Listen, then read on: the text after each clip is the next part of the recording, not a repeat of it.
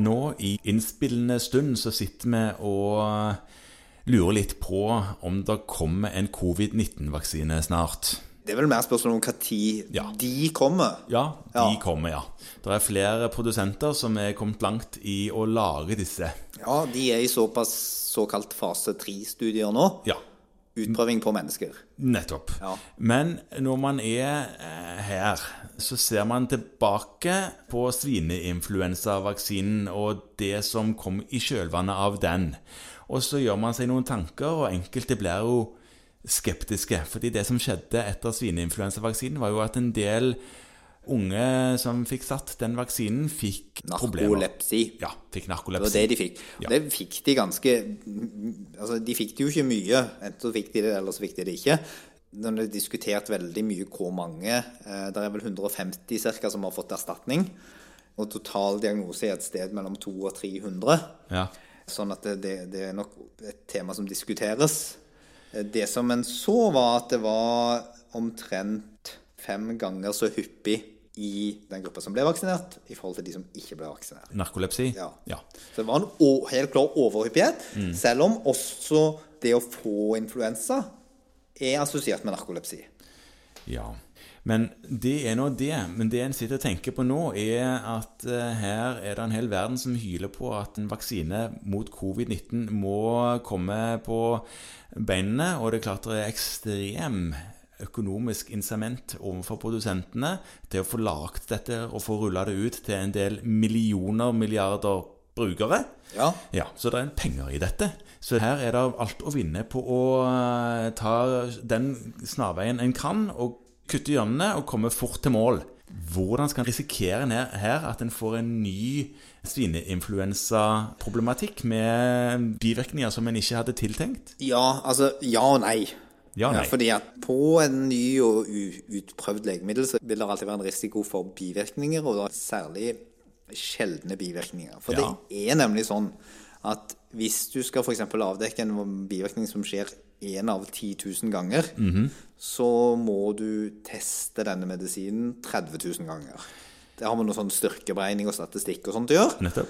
Og da må du ha noen kjempesvære studier. Ja. Og når de lagde Pandemrix, så skulle det gå fryktelig fort. Det var den svineinfluensavaksinen? Ja. Eh, det var flere av den, så det var litt ufint å si det, men, men det var den vi hadde her i Norge. Ja. Og da var den egentlig bare testa som en såkalt modellvaksine, altså uten aktivt virkestoff, på 5000 pasienter. ja. Og det var det man hadde tid til da. Så kan man diskutere om det var godt nok. Samtidig så var det sånn at WHO hadde erklært pandemi, og unge folk så ut til å dø av dette. Ja. Så, så man ble pressa til å ta et valg. Men utprøvingen var allikevel ganske begrensa. Om den var god nok, det får man jo diskutere. Men det var der man sto akkurat da. Men en gjorde seg vel noen eh, erfaringer den gang som man ikke skal gjøre det samme av nå? Nei, og det andre som nok har vært diskutert mye, var at denne vaksinen pga. det korte tidsløpet så blir det brukt adjuvans i vaksinen. Ja. Da klarer man seg med mindre virusantigen for å få en god vaksinerespons. Og det har man også lurt på om har hatt betydning i forhold til utviklingen av bivirkninger. Okay. Det er mye sånn immunologi som ligger rundt det. eh, da er det det å si om at disse covid-19-vaksinene som kommer nå, er annerledes designa. Og i tillegg så er de jo testa ut på 30 40 50 000 pasienter. Ja, Det vil si at sjansen for at vi avdekker bivirkninger som er relativt sjeldne, altså f.eks. på én av 10 000, den begynner å, være til stede ja. i studieprogrammet. Og så er det sånn at eh, noen bivirkninger vil være så sjeldne at det egentlig er umulig å avdekke de før man har prøvd ut medisinen på store, store grupper. ja. Så på et eller annet tidspunkt må man sette strek og si at nå er det trygt nok, og at gevinsten er stor nok. Og da kan du si at Det handler jo også om hvor effektiv den vaksinen er. så Når legemiddelmyndighetene gjør en vurdering av dette, så er det effektivitet kontra potensielle bivirkninger. Og Det har vært snakket mye om 90-95% effektivitet av denne vaksinen. Så må man regne om det til hvor mange tilfeller med alvorlig sykelighet man sparer. Det er ikke en omregning jeg skal sitte og gjøre her i, eh, på stående fot. I forhold til hvor mange potensielle bivirkninger man får. Nei.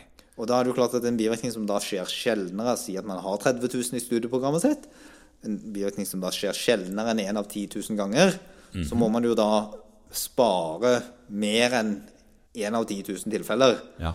Og de fleste vaksinene blir sånn skyter på hofta. De fleste vaksinene er mye mer effektive i å spare alvorlig sykelighet enn det når de er 90% effektive. Det har litt med hvor hyppig sykdommene forekommer, men hvis du ser til Italia, USA eller Sverige, så er det klart at dette er en sykdom som sluppet helt løs i befolkningen, rammer veldig mange mm. og gir en ikke ubetydelig overdødelighet.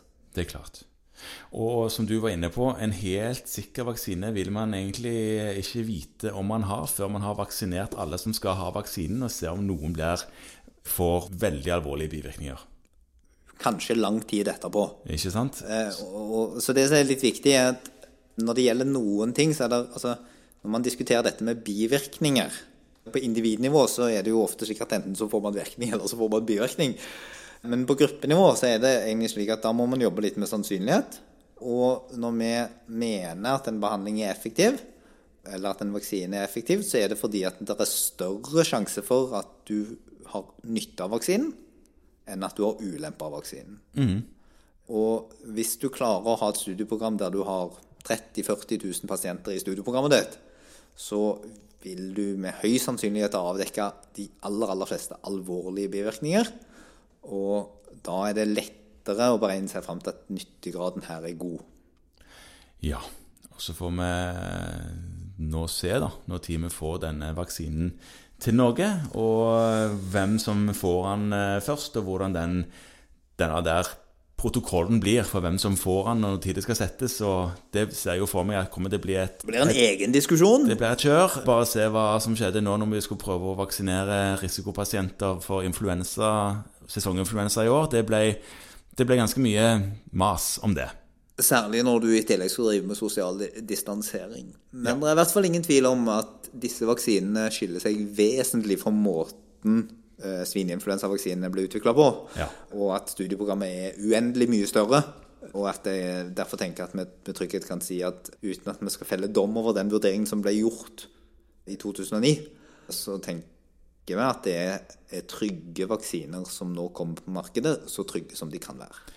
Det tenker vi, ja.